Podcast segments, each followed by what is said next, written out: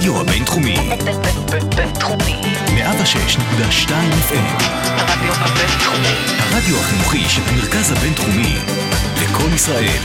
106.2 FM. השעה הבינתחומית. פודקאסט שמחדד את המוח. עם שי קלוט. צהריים טובים לכל המאזינות והמאזינים, איזה כיף שהצטרפתם לעוד תוכנית של השעה הבינתחומית, כאן ברדיו הבינתחומי 106.2 FM. אני שייקלוד, וממש כמו בכל שבוע, מצטרפת, מצטרף אליי אחד המרצים, המרצות כאן במרכז הבינתחומי, ולדבר על תחומי המחקר.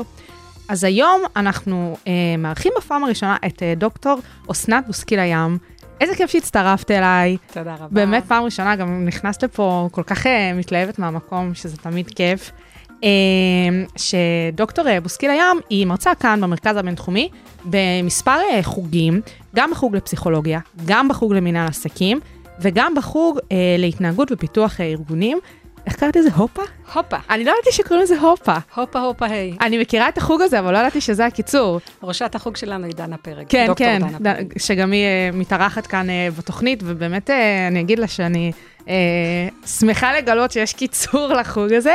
אה, מעבר לעניין אה, האקדמי שלה כאן אה, במרכז הבינתחומי, אה, אסנת היא בעלת חברה לייעוץ ארגוני, ואנחנו באמת נדבר על אה, המחקר שערכת במסגרת אה, הדוקטורט שלך, על אה, הקשבה בישיבות צוות והשפעתה על העברת ידע בארגוני הייטק.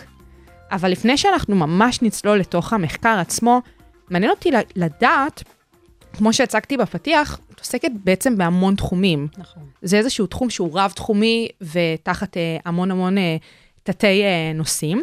אז אה, איך את הגעת בעצם לנקודה שאת נמצאת בה היום? מה את למדת? איזה מחקרים עשית בדרך? בואי תספרי לנו ככה, שניכנס אז- אה, ונצלול לתחום. בשמחה. אז uh, התואר הראשון שלי היה ביחסים בינלאומיים במזרח תיכון. אין לי מושג למה בחרתי את הנושא הזה. כי הוא נושא נורא מעניין. הוא מאוד מעניין, אבל לא עשיתי איתו כלום. אז, אה, אבל הוא היה בסיס להמשך. אז באמת, אחרי התואר הראשון, חשבתי שאני אלך למשרד החוץ, או למוסד, או... משהו בשירות המדינה. כן, משהו כזה, וזה לא התאים לי. ומאוד לאון התוודעתי לעולם הזה של ייעוץ ארגוני, שאז לא היה מגובה בתארים רשמיים מסודרים וברורים, אלא להפך, אף אחד לא ידע מה זה ייעוץ ארגוני. התחום היה בחיתוליו. לא ידעו. להגדיר אותו אפילו, במידה לגמרי. מסוימת. נכון. ואז מה שעשיתי, התראיינתי למשרת יועצת ארגונית, עם תואר ראשון ביחב"ל ומזרחנות, ובריאיון, שהיה צריך להיות שעה ונמשך חמש שעות, אה, פגשתי אישה מקסימה שקוראים לה טולי אור, ומאז ועד היום היא, היא מנטורית אה, מקצועית שלי. והיא אמרה לי, אסנת, את לא יכולה להיות יועצת בלי תואר שני. אוקיי. ואז המסלול שלי היה לעשות השלמות לתואר ראשון בסוציולוגיה באוניברסיטה העברית, ותואר שני בסוציולוגיה. אז זה, זה התארים שלי. וסיימתי- המסלול. נכון, וסיימתי תואר שני בלי דוקטורט, כי רציתי להיכנס לעניינים. שנתיים עבדתי בסקטור הציבורי. ייעצתי למועצות מקומיות, משרד החינוך, מע"צ, הסתובבתי מאילת. בדרום עד נהריה בצפון, וברחתי משם כל עוד נפשי בי. באתי להגיד שזה נשמע נורא דינמי והכל, אבל כן, זה רשויות שהן קשות. היה אז מאוד מאוד קשה, היית מתאמת סדנאות, יום לפני היה, הסדנאות היו מבוטלות. יואו.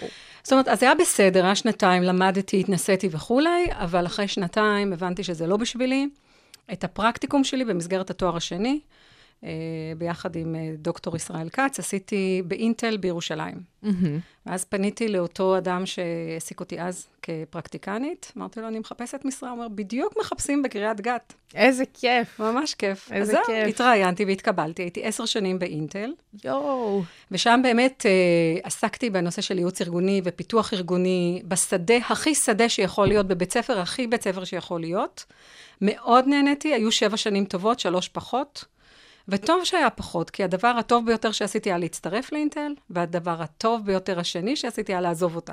אני חושבת שאנחנו אפילו לא חמש דקות לתוך השיחה בינינו, וכבר הגישה שלך בעיניי מטורפת לדברים, ראיית אה, חיים שלך, ובאמת איך שאת אה, אה, לוקחת את החוויות למקומות באמת טובים, מייעלת אותם, אז כיף. אז אנחנו תכף גם נבין תוך כדי המחקר שלך, מה עשית עם כל הפרקטיקה אל מול המחקר. נכון. כי זה בעיניי באמת משהו, בטח במציאות הקיימת שלנו, שלפעמים קצת מתפספס באקדמיה.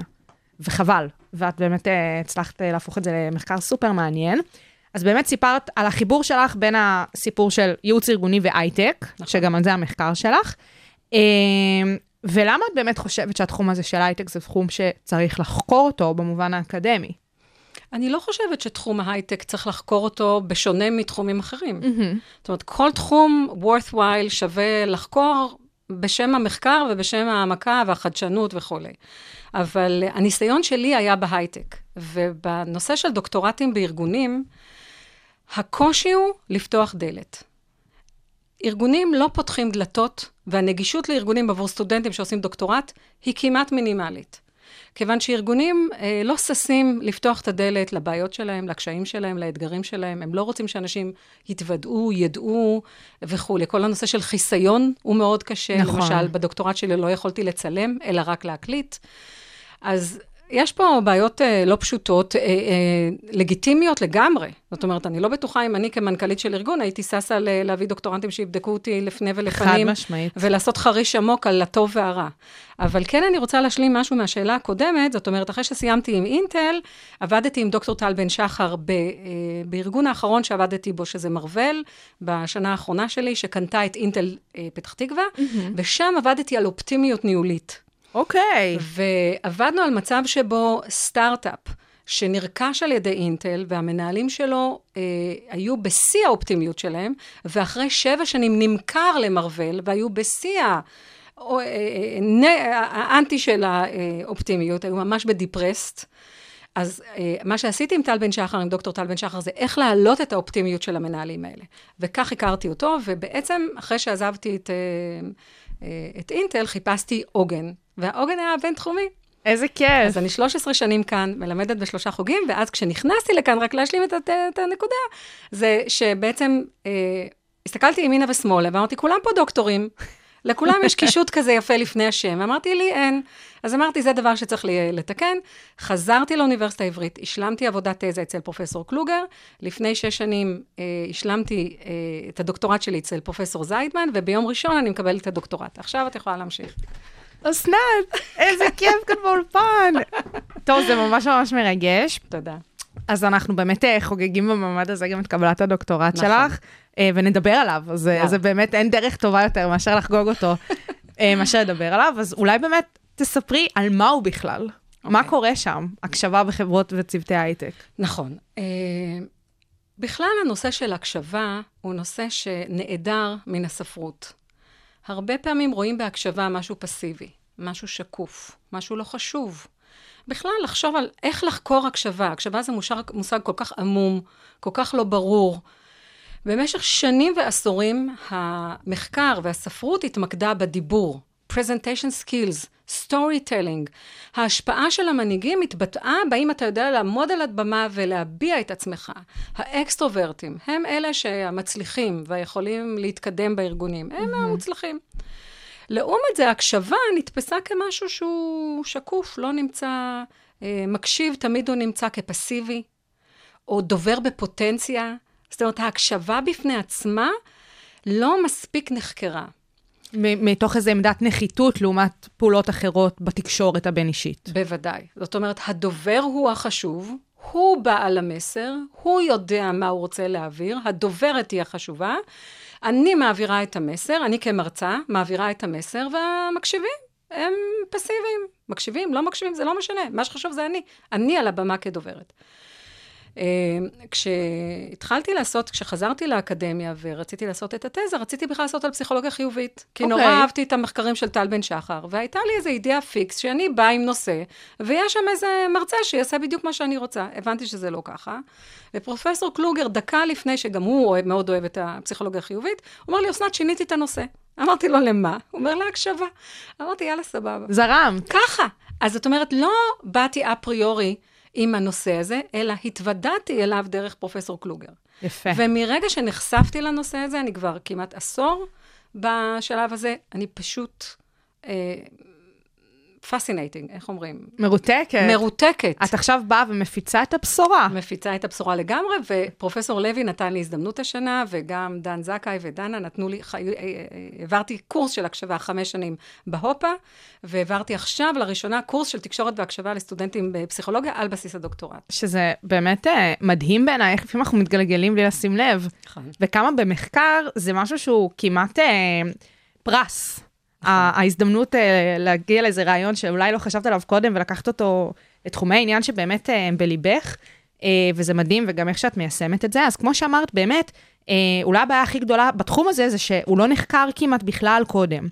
אז איך באמת מגיעים למחקר על נושא שלא נחקר? נכון. איך זה קורה? זה נשמע לי קשה. אוקיי, אז קודם כל חשוב לציין שבעשור האחרון יש עשרות מחקרים בכל העולם. אני חושבת שפרופסור קלוגר הוא המוביל, הוא פשוט אה, חוקר אה, מאוד שיטתי אה, וממש חוקר שלב אחר שלב. איך חוקרים את זה? קודם כל צריך לבנות שאלון, איך את מודדת? נניח שאת רוצה להבין מה זאת הקשבה, אז איך את יודעת מה זאת הקשבה? את יכולה לשאול אנשים ולראות מה הם עונים לך. בדיוק, מה זאת הקשבה? אז עבודת התזה שלי בעצם ניסתה לבנות, לא ניסתה, הצליחה.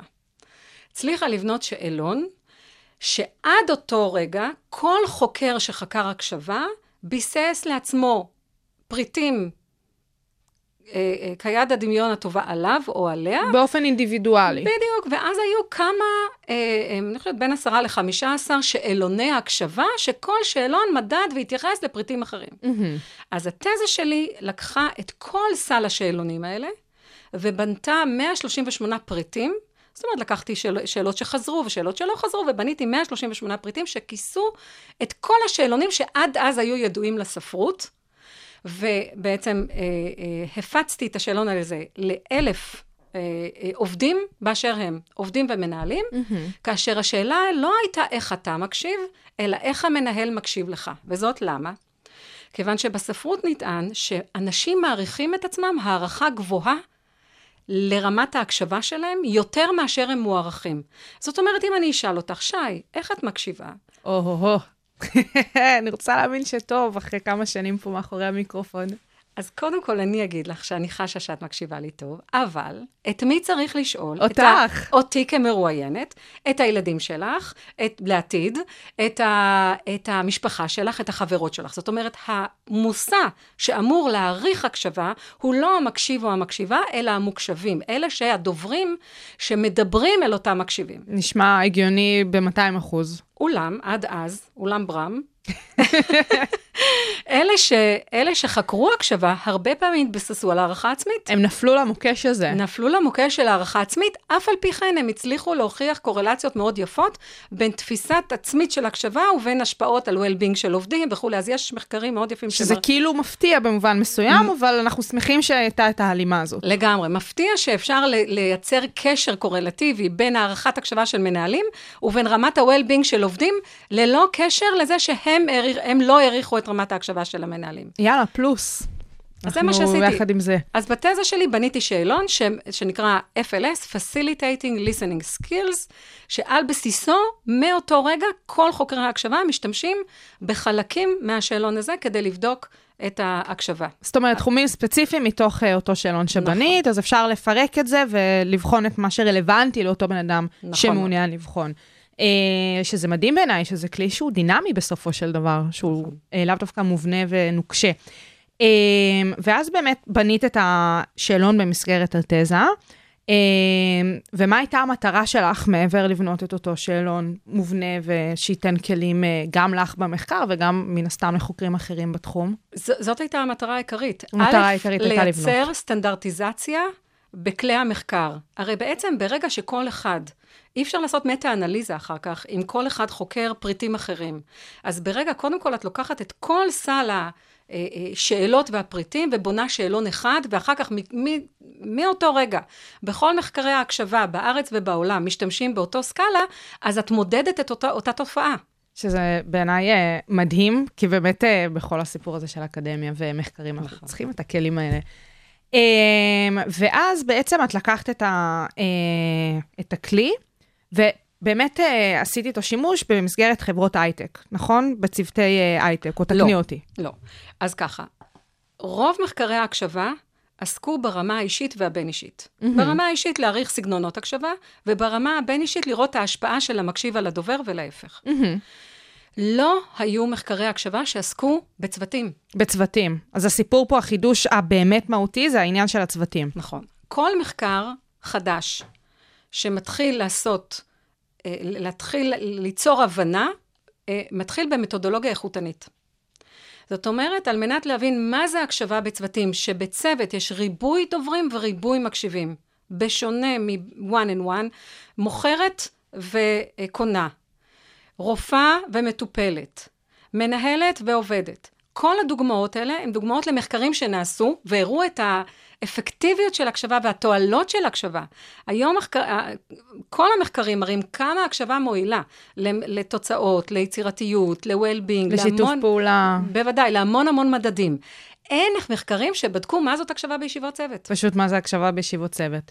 עכשיו, כשאנחנו אומרים ישיבות צוות, צוות זה יכול להיות דבר מאוד משתנה. צוות יכול להיות שני אנשים, שלושה אנשים, עשרים איש.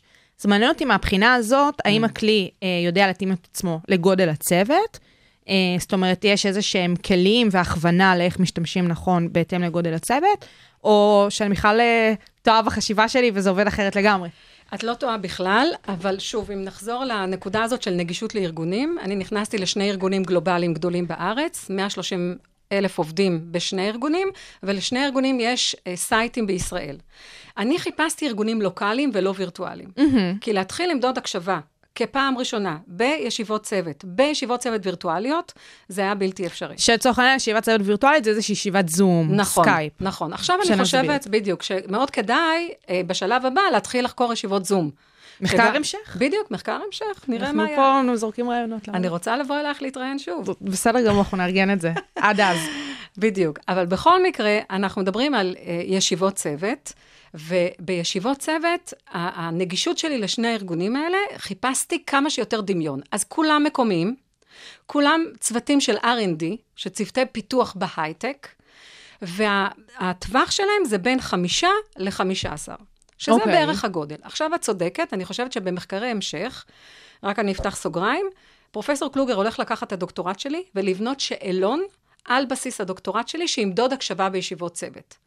ואז אפשר יהיה לבחון על בסיס השאלון הכמותני, מה ההבדל בין הקשבה בצוותים קטנים, בינוניים וגדולים, ולאבחן את זה. המטרה שלי לא הייתה אה, לאפיין את השונות בין גדלי הצוותים והשפעתם על כל מיני גורמים, mm-hmm. אלא קודם כל להבין מה זאת הקשבה בישיבות צוות. מושג שהוא לא ברור. אז יש לי בעצם אה, אפשרות לדעת איך אנשים תופסים הקשבה בישיבות צוות. אז עשיתי ראיונות בקבוצות מיקוד, ואחרי זה בעצם צפיתי בהם. כי בעצם ראיון זה מתודולוגיה מתווכת. נכון. בראיון אנשים יכולים לספר לי מה שהם רוצים. דיברנו על זה מקודם, על, על איזשהו כשל בסיפור הזה של אנשים שמעריכים את עצמם. זה בדיוק זה. בדיוק. לפעמים הערכה היא גבוהה יותר, או יש לי אג'נדה מסוימת, אני רוצה לספר לך סיפור שתואם את המטרות שלי של מה אני רוצה שאת תדעי עליי. אז ראיון הוא, משת... הוא, הוא מתודולוגיה טובה מאוד, אבל מתווכת. עם הכשלים שלה. עם, ה... עם החסרונות עם שלה. החסרונות שלה. בדיוק. תצפית, יש לה גם חסרונות, עצם הנוכחות מייצרת השפעה, ולכן צפיתי ארבע פעמים בישיבות הצוות של אותו צוות. זאת אומרת, סך הכל צפיתי ב-40 ישיבות צוות, ורק 29 תצפיות נכנסו לדוקטורט, מכל מיני סיבות, ו-29 התצפיות האלה, בעצם ישבתי ארבע פעמים בישיבות צוות. אז נניח שבפעם הראשונה הם התנהגו בצורה מסוימת, בפעם השנייה, בפעם השלישית והרביעית, אני כבר ראיתי זבוב על הקיר, בדיוק כמו שציפיתי ורציתי, ואז בישיבה אני רואה אני רואה את התנהגויות ההקשבה, אני יכולה למדוד אותם, אני מקליטה אותם, אני מתעדת אותם, ואחרי זה אני מנתחת אותם. זאת אומרת, ואז אני ב, ב, אה, עושה השוואה בין הפער בין אה, מה אנשים אומרים על עצמם, ואיך אנשים מתנהגים את עצמם. וראית פערים גדולים, קטנים? זה מעניין אותי, האמת ששמרתי את השאלות האלה לסוף, אבל הנה, אנחנו כבר שם. איזה פערים מצאת? כי זה okay. באמת גם, נגענו לזה בהתחלה, על הפערים שקיימים, ומעניין אותי, בתוך העניין הצוותי הזה, זה מרגיש שיש עוד איזה משתנה שיכול להשפיע על הפער. אז מה מצאת? אז דקה לפני מה מצאתי, יש גמור. כל מיני סוגים של מה מצאתי. בסדר? הסוג הראשון של מה מצאתי היה מהי הקשבה. בדרך כלל, והספרות מדברת על הקשבה, על אה, אה, שני מושגים מרכזיים. השמיעה איננה הקשבה. כולנו שומעים, לא כולנו מקשיבים. זהו, זה מגיל מאוד צעיר מנסים ללמד אותנו את זה. בדיוק. זאת אומרת, אנחנו כולנו בטעות מפרשים שמיעה כהקשבה, אולם שמיעה היא לא הקשבה. שמיעה היא הבסיס, אם אתה לא שומע, אתה לא יכול להקשיב, אבל זה לא אומר שאתה מקשיב. אז אפרופו הקשבה, יש הרבה הגדרות של הקשבה. יש הקשבה שמתייחסת להיבט הקוגניטיבי, של הבנת המסר, פירוש המסר, זכירת המסר ותגובה למסר. שזה ארבעת המימדים. יש היבט של רגשי, של זה רוג'רס מדבר עליו, על ההיבט של הקשבה אמפתית. עד כמה אני מקשיבה לך ואני מקשיבה למוזיקה, ולא רק לתווים. אני מקשיבה למה את רוצה להעביר לי. והרבה פעמים ברמה הבין-אישית, בין, בין זוגות, בין חברים, שאומרים, אתה לא מקשיב לי, או את לא מקשיבה לי, כי רק מקשיבים למילים ולא מקשיבים ללחן. והיכולת שלנו להקשיב לרגשות היא נורא חשובה. איזה פילוסופיה מהממת. באמת, זה ממש פילוסופי. כי בעצם ההגדרה הרחבה ביותר להקשבה זה הפקת משמעות מצלילים. זאת ההגדרה, ההגדרה הרחבה ביותר והכי חוטאת למציאות. כי בעצם מה קורה עם אנשים שהם חרשים? נכון. הם לא מסוגלים להקשיב? נכון, או אפילו אנשים עם מוגבלויות חברתיות מסוימות, שלפעמים לא יודעים לנתח כמו שצריך, או כמו שהחברה מצפה שיהיה ניתוח, לסיטואציות של דיבור. לא מצליחים לאבחן טונים מסוימים, או אפילו הבעת פנים שמתקשרת להקשבה לפעמים, לצלילים שמפיקים. בהחלט. זה באמת ה... קשה.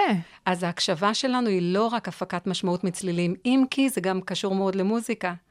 אנחנו שומעים קטע מוזיקלי ואנחנו מפרשים אותו ומפיקים משמעות ממנו, ויש בזה משהו מאוד יפה, אבל זה לא רק זה. זה כולל עוד הרבה דברים. אז למשל, במחקר שלי על הקשבה, אחד הדברים שעלה זה תוספת להגדרה של מהי הקשבה, שהיא אה, יישום של מה שקרה בשיחה. Mm-hmm. זאת אומרת, זה לא מספיק שאני אגיב לך, שמעתי אותך או הבנתי אותך. אם למשל בשיחה בינינו עולה שאנחנו קבענו היום פגישה, mm-hmm. ואני הקשבתי, אני הבנתי, ואני לא הגעתי. יש פה בעיית יישום. אז יש פה בעיית יישום, והסוגיה הזאת של ליישם היא מאוד חשובה. מנהלים שתופסים את המנהלים שלהם. את העובדים. סליחה, עובדים שתופסים את המנהלים שלהם. כמקשיבים ומיישמים, זאת ההקשבה המופלאה, כי יש בה את כל התהליכים. המנהל או המנהלת גם שמעו אותי, גם הבינו אותי וגם יישמו אחר כך. אז איך עובדים מפרשים את ההקשבה של המנהלים שלהם, אם הם יישמו או לא יישמו? עכשיו, אני רוצה להגיד משהו, המנהלים הם לא קוסמים, הם לא יכולים ליישם הכול. ברור. אז אחד הדברים, הטיפים למנהלים, זה אם אתם לא יכולים ליישם, אז תבואו ותגידו, הקשבתי. הבנתי, זה לא בר יישום כרגע. להיות ישירים במובן מסוים. בדיוק, זאת אומרת, זה שאת, ברור שאם אתה מקשיב לבן אדם, ואתה למשל אומר לו, אוקיי, הישיבה נקבעה באחת ולא נוח לי באחת, ואתה לא מזיז את הישיבה שתהיה בשתיים, שתהיה נוחה לכולם, אז אתה לא מיישם, אתה נתפס כלא מקשיב. נכון. זאת אומרת, היישום הוא, ודווקא אני חושבת שהיישום בקונטקסט של ההייטק הוא סופר חשוב, כי זו תרבות ארגונית שמדברת על high-tech nation, על חדשנות, על תנועה קדימה, על sense of urgency, על באמת להניע דברים ולעשות דברים, ואם אין את היישום, אין... אין, אין יישומיות ואין הצלחה ואין אפקטיביות ופרודוקטיביות בסוף של ארגונים. זה פוגע במהות של הדבר הזה בכלל. ובהקשר של המחקר שלך, זה אומר שמעבר לתצפיות שערכת והנוכחות שלך במפגשים והרעיונות והשאלונים שהעברת, את גם בהחלט בדקת את היישום של אותם נושאים שעלו בישיבות הצוות, בשביל לבחון את, אותה, את אותו מימד שהוספת אה, לנושא ההקשבה? שאלה מצוינת, אין לי שקף עליה. אז היא לא כזאת טובה. לא, לא, זו שאלה מצוינת למחקרי המשך. למה? כיוון שהיכולת שלי גם לאפיין מה זאת הקשבה, גם מה זאת הקשבה בישיבות צוות, גם מה ההשפעה של התרבות והמנהיגות, גם איך זה משפיע על התוצאות בהיבט של העברת ידע, וגם לבדוק את הקשר בין הקשבה בישיבות צוות וביצועים, הוא, הוא מאוד קשה. לא, זה קשה ברמות, בדיוק. זה מיליון משאבים, השקעת משאבים אדירה. בדיוק. אז, אז אני, אז, אז זה למחקרי המשך, אבל כן בדקתי את הקשר בין הקשבה והעברת ידע, וזה חשוב, וזאת למה? כיוון ש, שדוברים שמדברים על מקשיבים מוסכים, מעבירים פחות ידע. שזה נשמע הגיוני, זה משפט שנשמע מאוד הגיוני, אבל איך בודקים את זה? כל דבר שנשמע הגיוני, תוכיחי אותו סטטיסטית, תהיי אה, אה, מלכת ה... דוקטור. הדוק... בדיוק, היא דוקטור. זאת. אומרת, כל מה שנשמע לנו common sense, ברור שהקשבה מעלה well-being. בואי תוכיחי את זה סטטיסטית. לגמרי. בואי תראי את זה במספרים. זה לא פשוט להראות את הנתונים האלה במספרים. אז בגלל זה אני לא מבינה איך עשית את זה. את גם מתעסקת בתחומים כל כך מופשטים. אז רגע, אז עכשיו עוד דבר, דיברנו על, על מה, מה מצאתי, נכון? נכון. אז מצאתי אחד על העניין הזה של ההקשבה. מצאתי שני על, ה, על העניין הזה של יישום. נכון. יישומיות ההקשבה. מצאתי שני, זה שברוב ניסויי ההקשבה, עשו פריימינג, הטרמה. מה זה התרמה? שאני גורמת לך, אה, אה, אה, מעלה את תשומת הלב שלך למשהו מסוים. Mm-hmm. אז זאת אומרת, אמרו למתנסים, אתה תקשיב הכי רע שאתה יכול, ואמרו למתנסים השניים, אתה תקשיב הכי טוב שאתה יכול. אוקיי, באופן אקטיבי לנתב את ההקשבה שלך בדיוק. זאת אומרת, יצרו מצב דיכוטומי מוקצן של או שאתה מקשיב הכי טוב כל הזמן, במשך כל העשר דקות של הניסוי, או שאתה מקשיב הכי פחות טוב. עכשיו, איך לדוגמה בדקו את ההקשבה הכי פחות טובה? שמו כפתור מתחת לשולחן ואמרו, תבדוק ותמדוד כמה פעמים הבן אדם אמר the, TH. ואם אתה סופר נכון, אתה מקבל 20 דולר. וואלה. זאת אומרת, יצרו מצב שבו יש לי אינסנטיב לא להקשיב. עכשיו, מה עשו? מצאו, אה, אה, גילו הרבה תוצאות, מה קורה שאתה מקשיב מאוד ולא מקשיב, מה קורה שאתה מחייך וזועף. זאת אומרת, כל ההתנהגויות האלה משפיעות באופן מהותי mm-hmm. על המשתנים. אבל זאת התנסות במעבדה, זה לא החיים. בחיים עצמם יש לנו ריינג', יש לנו טווח של הקשבה, וזה הממצא השני של מה מצאתי. מצאתי שהקשבה היא לא רק שני מצבים של או שאתה מקשיב או שאתה לא מקשיב, אלא אתה יכול לא להקשיב, אתה יכול להעמיד פני מקשיב. העמדת פני מקשיב איננה אי הקשבה. זה נאמר באחד המחקרים, ואני מצאתי את זה ותיקפתי את זה במאמר שלי. יש הקשבה חלקית. יש הקשבה כדי להתפרץ. אנשים וואה. שמקשיבים לא כדי להקשיב ולהבין אותך, אלא כדי, ואנחנו הישראלים מאוד חזקים בזה. זה נראה לי אחד המאפיינים הכי גדולים שלנו, מה זאת אומרת? מטורף. מכירה? לדעתי, אני לא בונה את הדעה שלי על בסיס מה שאת אומרת, אני לעומתיות. יש בי איזה לעומתיות שאני רוצה להתפרץ ולהתפרץ לך דברים. פה אני מצאתי שני סוגי אה, התפרצויות לדיבור. יש שניים, יש שניים, לפי המחקר. לפי המחקר. והם? ולפני זה, פותחים סוגריים. כמה זמן לוקח לרופאים, לרופאים. להתערב בדברי המטופלים, מרגע שהמטופלים מתחילים לשטוח את טענותיהם? וואו, אה, זה שניות? זה כזה שניות עד דקות כזה? לא, וואי, את אפילו לא נותנת לי טיפה של חבל. עשר שניות. וואו, את מדויקת לגמרי, 18 שניות. באמת? כן. וואו. 18 שניות לבערך 75% מהרופאים, וואו. לוקח להתפרץ לדיבור, להתערב, interruption. אוקיי? התערבות והתפרצות זה לא אותו דבר, זה יכול להיות interruption. עכשיו, במחקר הזה לא בדקו איזה סוג של התערבויות. אז אני רציתי לבדוק התערבויות, אבל בראיונות עלה שיש הבדל, הם אמרו, המשתתפים אמרו, אם יושבים בישיבה וכולם שותקים, זה לא טוב לי. אני רוצה שיתפרצו לי לדיבור, אבל באותו נושא. לא ללכת הצידה. בדיוק. זאת אומרת, אם מתפרצים לי לא באותו נושא, הם קוראים לזה גנבת הדיבור. מאוד הגיוני. מאוד- אני, נורא יכולה להבין אותם. אוקיי. יש בזה באמת משהו נורא, אני אגיד אפילו מעבר לישראלי, משהו נורא יהודי בריבוי הדעות הזה. נכון. שאפילו אנחנו גדלים על זה בתפיסות היסטוריות של רבנים וחכמי דעת. הסיפור של החברותא, של נכון. לדבר, של ה...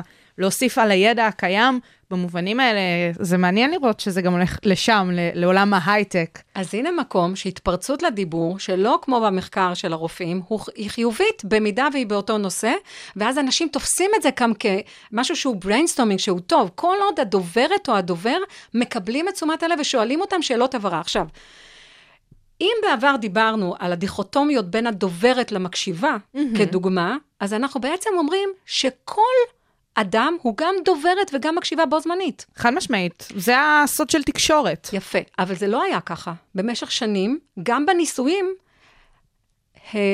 נתנו תפקיד למישהו אחד כדובר ולמישהו אחר כמקשיב. לא נתנו להם את הדיבור הטבעי הזה של שיח טבעי. זאת אומרת, החדשנות ומה שמצאתי במחקר הוא ללכת לזירה טבעית.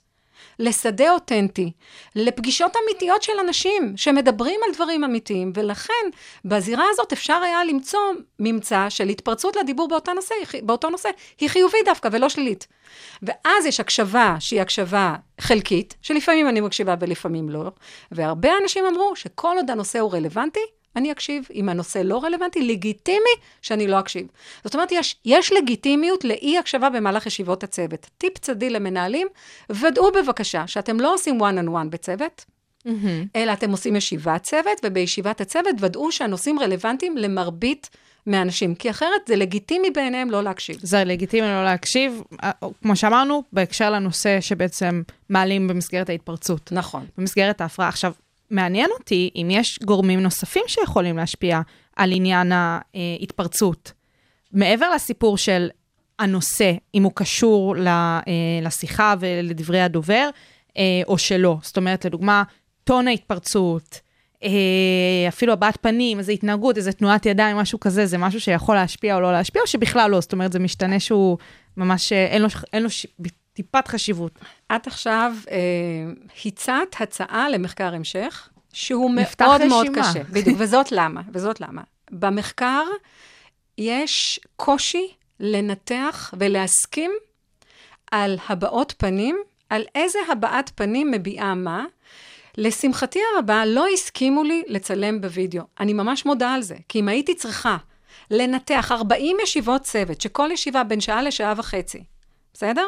לנתח את הבעות הפנים ולנסות להגיע להסכמה בין שופטים, כי חלק מהמחקר שלי היה ניתוחים של כמה חוקרים בו זמנית, mm-hmm. ש, שניתחו את הנתונים האלה כדי לוודא שהנתונים uh, תקפים ומהימנים וכולי. זה מאוד מאוד, וגם uh, uh, המחקר, בחלק מהמחקרים שבדקו וידאו, דיברו על חסרונות, על אימיטיישן של המחקר, שאין, קשה להגיע להסכמה לגבי שפת גוף. הבנתי אותך. טוב, זה באמת אה, נושא בפני עצמו וזה נושא מרתק. ונראה, אולי בהמשך אה, מחקר ספציפי על זה. אני, אני לא בטוח, לא, המאזינים לא רואים, אסנת אה, מנסה לשדל אותי פה למחקרים בתחום. אה, מרתק. אה, אבל זה לא לי. אוקיי.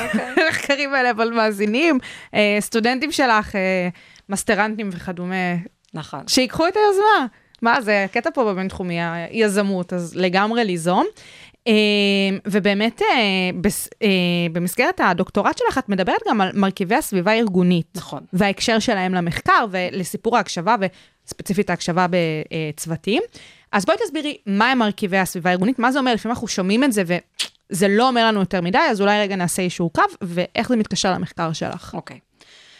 Uh, כשאנחנו מדברים על התופעה של הקשבה בישיבות צוות, אנחנו לא יכולים להתעלם מגורמי הקונטקסט. Mm-hmm. זאת אומרת, נניח לדוגמה, האם שי, האם את מקשיבה בגלל האישיות שלך, או בגלל התרבות הישראלית שבה גדלת? אז בוודאי שזה איזשהו שילוב. אבל בגדול אני רציתי לבדוק עד כמה התרבות הארגונית משפיעה או לא משפיעה על הקשבה, ועד כמה המנהלים שיושבים בישיבה ונמצאים פיזית בישיבה, איך הם נתפסים כמקשיבים, והאם הם משפיעים או לא משפיעים על ההקשבה בישיבות הצוות. ופה אופה. מצאתי דברים מאוד מאוד מעניינים. לדוגמה. לדוגמה. קודם כל, איך מודדים השפעה של תרבות ארגונית? זו שאלה מאוד לא פשוטה. כמה מדדים את בנית במסגרת? המון, המון מדדים, המון. אבל נהניתי מכל דקה. זה כיף, זה כיף, זה עוד ילדים, את יוצרת ילדים קטנים. ממש. אז איך מודדים תרבות ארגונית? קודם כל, שואלים את האנשים בראיונות, ספרו לי על תרבות ההקשבה אצלכם.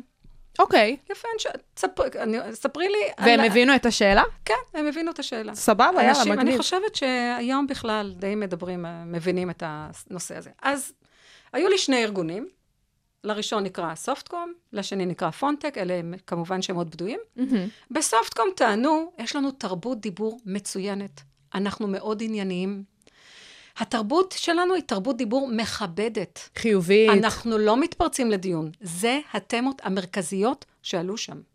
זה משהו שמכווינים אליו מלכתחילה, או שזה פשוט משהו שקורה שם מכוח מ... האינרציה? שאלה מצוינת, הם גם מכווינים בערכים, הם גם מכווינים בתהליכי קליטת עובדים, הם גם מכווינים בתרבות, אין ספק ששם יש, אה, תכף את תראי, אני רוצה רגע לבנות את הטיעון.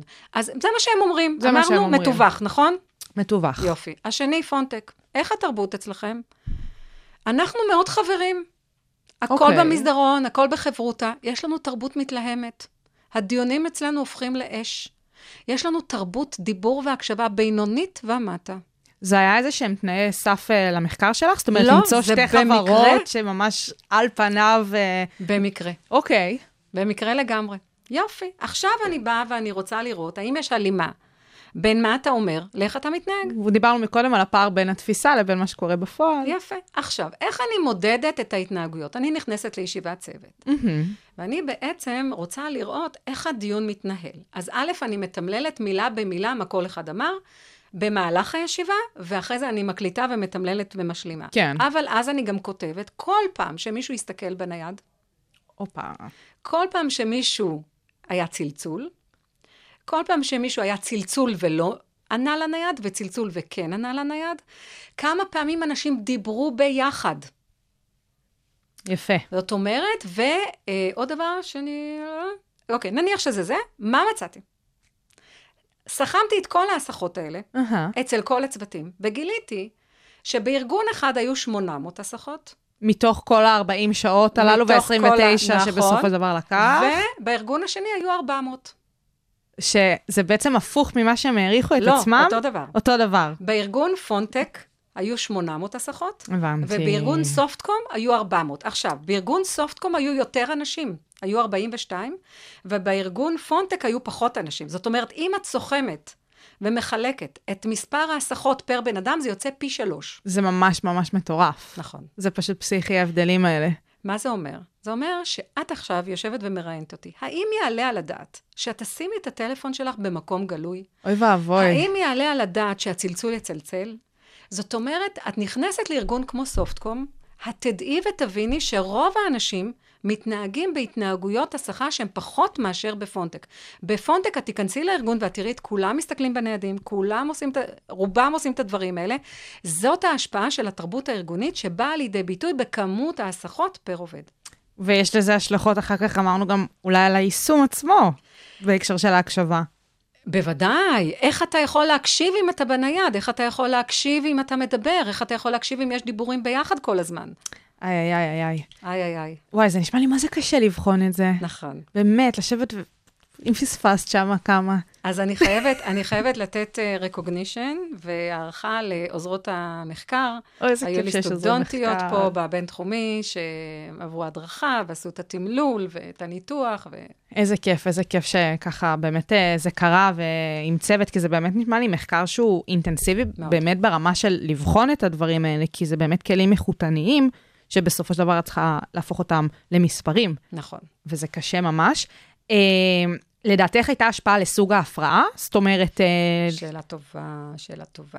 אה, אה, בשני הארגונים, רוב ההפרעות היו באותו נושא. באותו נושא. זאת אומרת, זה מעניין לראות שבשני הארגונים היו הרבה הפרעות, בארגון אחד היה יותר מאשר בשני, בפונטק היו הרבה יותר הפרעות מאשר בסופטקום, אבל בשני הארגונים, אני חושבת 90% מההפרעות, מעל 90% מההפרעות היו באותו נושא. לדוגמה ש- בטלפונים. לא, לא, לא הפרעות, הפרעות לדיבור, אה, לא הסחות. של הדיבור עצמו. כן, יש הבדל בין הסחות אוקיי, להפרעות. הסחה אוקיי. זה שאני מוסחת, הפרעה זה שאני מפריעה לך, interruption. כן, כן, הסיפור אני מתערבת האקטיבי. לך, אני מתערבת לך בדיבור. אז רוב ההתערבויות לדיבור היו באותו נושא. ומה המסקנה בעצם? שזה מדהים. מה המסקנה של התרבות הארגונית?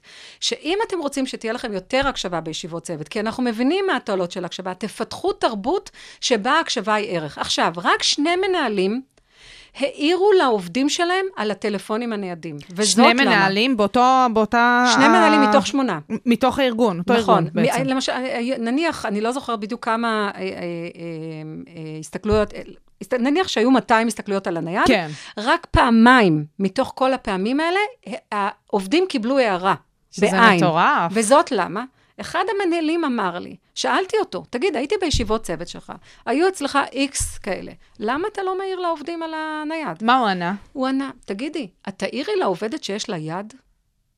אבוי לי, ככה הם מסתכלים על טלפון? הטלפון הנייד זה איבר. נתפס איבר בגוף האדם, המשך ישיר של היד, כדבר שאסור לך, ואסור לך להעיר על. היד שלך, כביכול זה שלך וזה פרטי, ואם את מסתכלת על הנייד, כנראה את צריכה להסתכל. עכשיו תראי, יש פה איזשהו בלנס בין מתי כן ומתי לא וכולי. אז למשל, כשאני עושה היום סדנאות הנהלה, אני אומרת להם, בואו נעשה הפסקה סלולרית, ובואו נגדיר שעד ההפסקה הסלולרית, כולנו עם הפלאפונים הפוכים. זה מאוד קשה. זה כי קשה. התפיסה היא שזה איבר אורגני בגופך, אני לא אעיר לך לאף שלך, ואני לא אעיר לך ליד שלך. אני, אני קצת מזועזעת. הלוואי ויקחו ממני את הטלפון. באמת, אני, וואו, אני קצת, אבל זה הייטק, לא יודעת, אולי הם תופסים את זה אחרת טיפה. אני חייבת גם להביא עוד ממצא, שאנשים אמרו שדווקא הסלולריים עוזרים להם להתרכז, כי מישהו שם אמר, זה שאני יכולה לדעת שהילד שלי עכשיו בגן בסדר, אני שולחת הודעה ויודעת שהכל בסדר, מאותו רגע אני רגועה ואני יכולה להיות עם רגועה. כולם. אוקיי. אז זה עובד לשני הכיוונים, אבל אני חושבת שאין מספיק הבנה לעוצמה של ההסחה של האייפון, ויש הרבה מא- מאמרים שמדברים על אייפון אפקט. מה קורה לזוגות רנדומליים שיושבים עם טלפונים או בלי פלאפונים? מדדו את רמת העושר, השביעות רצון, האמון והאינטימיות לפני ואחרי, כל המדדים יורדים. אני, כאילו, זה נורא הגיוני, ואני גם בטוחה שבסופו של דבר יש משתנים אינדיבידואליים, נכון. ספציפיים, סובייקטיביים, שמשפיעים על הדברים האלה, ועדיין אני ממש מזועזעת ממה שסיפרת עכשיו עם המנהלים שממש מתייחסים לזה כאיבר.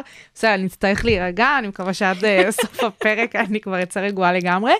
אה, אבל סבבה, אז באמת מבחינת הסביבה הארגונית, סיכמנו את הנושא הזה, או שיש לך עוד דברים שאת רוצה להוסיף, עוד מסקנות, עוד דברים להמשך, מה צריך להבין מזה? אני חושבת שבמחקרי המשך, כמובן, רצוי לראות סוגים שונים של תרבויות, רצוי לראות גם את הקשר בין תרבות ארגונית לתרבות לאום. אוקיי, אוקיי. לבין תרבות הצוות, זאת אומרת, לעשות את המחקרים האלה בארצות הברית, בישראל, באירופה, במזרח, בדרום אפריקה, ב- you name it. זאת אומרת, אה, באמת לראות את ההמשכיות של המחקר הזה לעוד תרבויות, אבל אין ספק, הגד לי מה תרבותך, אדע איזה הקשבה יש לך בצוות. זאת אומרת, באיזה מידע אנחנו כיועצים ארגוניים ויועצות ארגוניות יכולות לסייע לארגונים בלפתח תרבות של הקשבה, ועשיתי את זה עם פרופסור קלוגר ורונית שריג בלומוס. עשינו שנה שלמה, חמש סדנאות הקשבה למנהלים ועובדים, כדי להעלות את תרבות ההקשבה. ופה בדיוק החיבור והתפר הזה שבין המחקר לפרקטיקה ואיך את מיישמת את זה, אה, וזה נשמע מדהים. מה היו המסקנות מה, אה, מאותן סדנאות? זה נשמע לי שכמובן שבטח אחרי שעושים כאלה מחקרים אז הדברים מוצלחים. אה, אז תראי, לפני השנה הזאת, חשבנו להעביר שאלון לפני ואחרי, אהה, אבל מה קורה לארגונים? הם אוהבים להעביר שאלונים? אוי ואבוי, ממש לא. ממש לא. אז אין לנו תוצאות. אבל אנחנו יכולים, אה, מ, משיחות עם העובדים, אין ספק שזה משפיע על התרבות. אה, מה שקורה אחרי הדרכות, קורה דבר מעניין. הערכת ההקשבה לפני הדרכה היא יותר גבוהה מהערכת ההקשבה אחרי הדרכה. הסיפור פה של הערכה והפערים, זה חוזר אה, כחוט השני, עובר פה כחוט השני לאורך כל וזאת השיחה. למה? אבל זאת למה?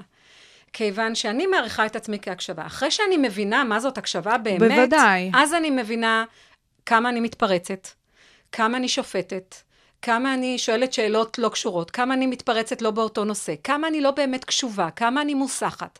ברגע שאני מבינה את כל הדברים האלה, אז הערכת ההקשבה שלי יורדת. אבל אני חושבת שאיכות ההקשבה עולה.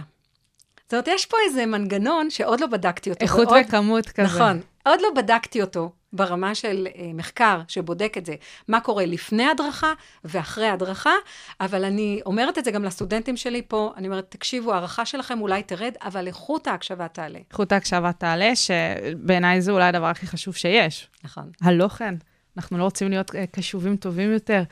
אה, אז בעצם אנחנו מדברות אה, כל הזמן על התפקיד של המנהל בסיפור הזה. על זה שהוא זה שצריך להקשיב, והוא זה שצריך ליישם, או בהכרח להגיד שהוא לא יוכל ליישם. אז בואי תסבירי בעצם אה, מה החשיבות של המנהל, ואיך עשית שימוש של הדבר הזה במסגרת המחקרים. איך בחנת את זה? נכון. אז אה, מעניין שפנית למנהל בלשון זכר, וזה נכון. אוי, אני, אני, אה, כל פעם שזה קורה לי, אני באמת, באמת, באמת מכה על חטא, באמת. אה, אז זה נכון, היו שבעה מנהלים ומנהלת אחת, ולכן נדבר אליהם בלשון זכר. רוב המנהלים אה, בהייטק הם אה, מנהלים אה, גברים, וזה דורש שינוי. גם המילה manager ולא womanager. אה, אבל... אוי, אה, נכון, לא חשבתי על זה. אני יוצאת פה עם המון ידע, והמון זוויות מבט. נכון שהמחשבה יצוקה למילה? וזה מדהים כי אנגלית זאת שפה לא מגדרית. נכון. אבל manager זה דווקא כן. נכון. הרבה פעמים אני קוראת לנשים womanager. יפה. ואני אני משנה. מאמצת. אני מאמצת. זהו, בסדר גמור. אוקיי. עכשיו בואו נראה איך מודדים הקשבה של מנהלים, נכון? בוודאי, איך אז עושים מה את זה? עושים? קודם כל, שואלים את העובדים. תגיד, איך המנהל מקשיב לכם? מהמם. איך הוא מקשיב בישיבות הצוות? מה הוא עושה, מה הוא לא עושה, מתי הוא מקשיב, מתי הוא לא מקשיב? שואלים. שזה מדד שאנחנו אמרנו כבר קודם, זה מדד טוב. מדד מעולה. זה מדד טוב. כי זה המדד שבאמת מראה איך הוא נתפס, ולא מה הוא חושב על מה הוא עצמו. חושב על עצמו. מצוין, יופי, מדדנו את זה. אחרי זה, באנו ובדקנו התנהגויות הקשבה, וראינו, לדוגמה, דיבור סולו. כמה אוקיי. זמן המנהל מדבר סולו, כמה זמן העובדים מדברים סולו, כמה זמן הצוות מדבר סולו, בדקנו את הדבר הזה. מהמם. וגם דב- בדקנו התערבויות לדיבור. ואז עשינו השוואה בין מה אומרים על המנהל, האם הוא מתערב לדיבור, כמה יש דיבור סולו, ועוד דבר אחרון, מה הערכת הצוות והמנהל את ההקשבה בישיבות הצוות. אוקיי, יופי. ואז מה גיליתי? יש פה מלא דברים לגלות. מלא דברים. כי יש פה לגלות. הרבה מדדים. גיליתי ש- שני צוותים תפסו את ההקשבה בישיבות הצוות שלהם כמעולה. אחד מפונטק ואחד מסופטקום. זהו. זה, זה בדיוק. ברמת המעולה. רק שניים מצאו את ההקשבה בישיבות הצוות שלהם כמעולה. צוות אחד מצא את ההקשבה שלו כגרועה. אחד העובדים אמר לי, את יודעת איך ההקשבה שלנו בישיבות הצוות? שאלתי אותו, איך? הוא השיב, "ת- חצית פעם רחוב בהודו? אוי והזמיר. זאת ההקשבה אצלנו. קשה להשחיל מילה. וואו. ההקשבה אצלם על ידי המנהל והעובדים נתפסה כגרועה. זה מדהים שהצלחת במסגרת הכניסה שלך לצוותים, למצוא צוותים רנדומלי, באופן רנדומלי. רנדומלי. מכל מיני סוגים. נכון. נכון. שבסופו של דבר ההקשבה נתפסת אצלם באמת נכון. כזה בהכל. אז שניים מעולים, אחד גרוע, וחמישה ככה וככה. ככה וככה. האמת שלפני ששאל, לפני שניתחתי, הייתי בטוחה שכולם יהיו ככה וככה, כי קשה מאוד אה, שתהיה, שיהיה קונצנזוס על, על המושג הזה. ועדיין זה קצת מתנקז לסיפור של פעמון גאוס כזה, שהרוב יהיו באמצע, מן הסתם, נכון. אבל תמיד יש קצוות. נכון מאוד. וגם המחקר מבחין בין הקשבה טובה וגרועה, הוא לא יודע להבדיל בין טובה למעולה. אה, הקפיצה הזאת מה-90 ל-100, בדיוק. קשה להבחין בה. זאת אומרת, את יכולה לראות מי מקשיב לך טוב ומי גרוע, והמחקר שלי, באמצעות המדדים שעשיתי, הצליח להראות מה ההבדל בין הקשבה טובה להקשבה מעולה. אז כמה בעצם אה, אה, רמות היו לך? אמרנו גרועה, אמרנו מעולה. אה, סוגי הקשבה? כן, שישה. שישה. כן. אוקיי. מי שירצה, יז... אה, ישלח לי מייל, אני אשלח לו את הדוקטורט. את כל ויראה הדוקטורט הסוגים. ויראה את כולם. בדיוק. אה, לא, לא נתעכב כרגע, כי אנחנו כרגע עוסקים במנהלים. כן, כן, רוצה... להבין פחות או יותר פשוט מה בגדול זה. שישה. שישה. אז, הנה, שאלה מצוינת.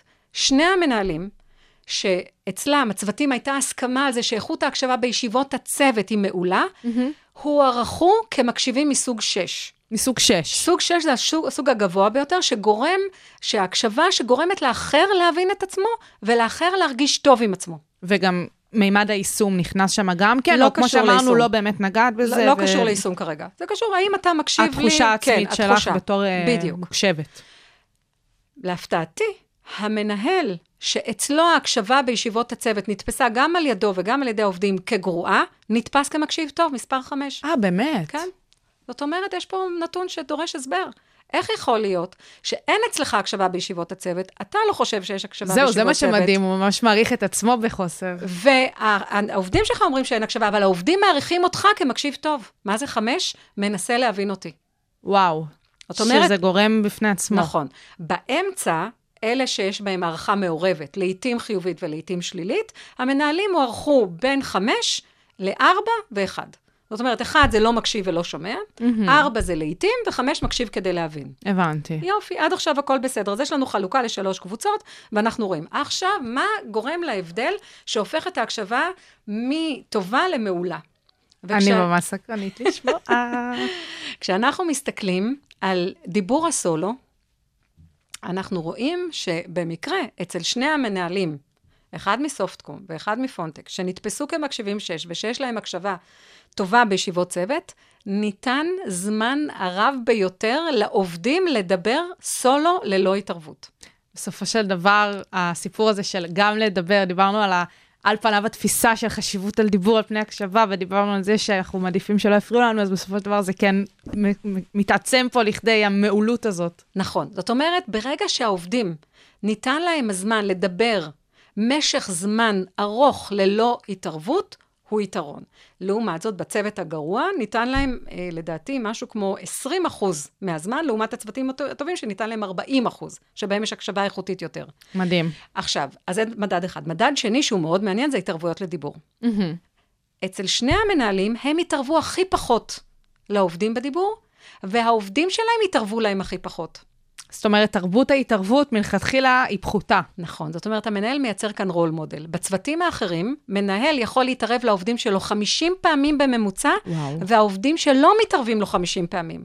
זאת אומרת, once המנהל מתחיל בהתערבות לדיבור, זה לקטוע אותך באמצע. עכשיו, זה לא משנה אם זה באותו נושא או לא באותו נושא. עצם הסטנדרט שמנהלים יוצרים בהתערבויות לא נותנים להם את משך הזמן של הדיבור לאורך זמן, סולו, ללא התערבות, זה מייצר קושי בהקשבה בישיבות צוות. זאת אומרת, מה אנחנו רואים כאן? אנחנו אומרים שהתפיסה של העובדים את המנהל כמקשיב לא מספיקה. אתה יכול להיתפס כמקשיב טוב, אבל זה לא מספיק כדי שתהיה הקשבה בישיבות הצוות. כדי שתהיה הקשבה בישיבות צוות, אתה צריך לנהל את ההקשבה של האחרים. שזה מדהים בעיניי. ואמרנו, מחקרי המשך, להבין גם את ההשפעה של גודל הצוות. והכל, אה, שזה... טוב, בסדר. תצאי מפה, תעופי על המחקרים שלך. לא, באמת, כי את, את אה, בחנת כל כך הרבה גורמים שאמורים נכון. להסביר אה, תופעה די מופשטת. נכון. דיברנו בתחילת השיחה שלנו, הקשבה, ואיך בכלל אה, מגדירים את זה, והשאלונים והמדד שבנית והכל, שבסופו של דבר, ספציפית בסיפור של אה, ארגונים ואיך זה משפיע, יש מיליון גורמים שמשפיעים.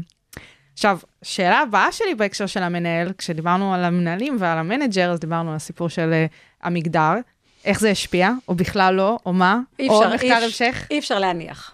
אי אפשר להניח, אה, המדגם הוא מאוד קטן, זה מחקר איכותני, מחקר חלוץ. אי אפשר להגיד על השפעה של אה, מנהלת לעומת מנהלים. יאללה, דווקא בפעמים מפתיע. דווקא מפתיע ששני מנהלים גברים נתפסו כהקשבה מספר 6, שהיא אמפתית רגשית, ו, אה, ואחד מכל ארגון. זה, אני רוצה רגע, משפט אחד, לחבר בין התרבות הארגונית לניהול. בוודאי. זאת אומרת, זה שיש לנו הקשבה מעולה אצל שני המנהלים האלה, אוקיי? משני ארגונים שונים, מראה שמנהלים בתרבות ארגונית שהיא לא כל כך מעודדת הקשבה, יכולים לשפר את ההקשבה בישיבות צוות באמצעות הרול מודל שלהם. זאת אומרת, האם אתה משקיע כ- כיועץ ארגוני או כיועצת ארגונית בפיתוח מנהלים ועוזר למנהלים לשפר את איכות ההקשבה של עצמם, של הישיבה, של ההתנהגויות ההקשבה, אתה יכול להתגבר על החסרונות של התרבות הארגונית המתלהמת, הדיון הופך ליש וכולי, באמצעות ניהול טוב. זה לפעמים הפתרון הוא כמעט פשוט מדי. נכון, בבעיות שאנחנו אה, רואים מסביב. נכון. אה, המון מסקנות סביב הסיפור של מנהלים. המון, זאת אומרת, אה, זה גם מוכיח את הנקודה האחרונה שהסברת, נכון. כמה זה חשוב, מה החשיבות של מנהלים. אה, העניין של סוגי ידע מועברים, אז באמת, מה זה בכלל אומר, ואיך זה בא לידי ביטוי במסגרת המחקר? אוקיי. מה שאנחנו רואים, קשר ישיר, אה, אינטואיטיבי, בין הקשבה להעברת ידע. מהמם. אז באמת שאלתי את הנחקרים שלי, מהן ההשלכות של הקשבה?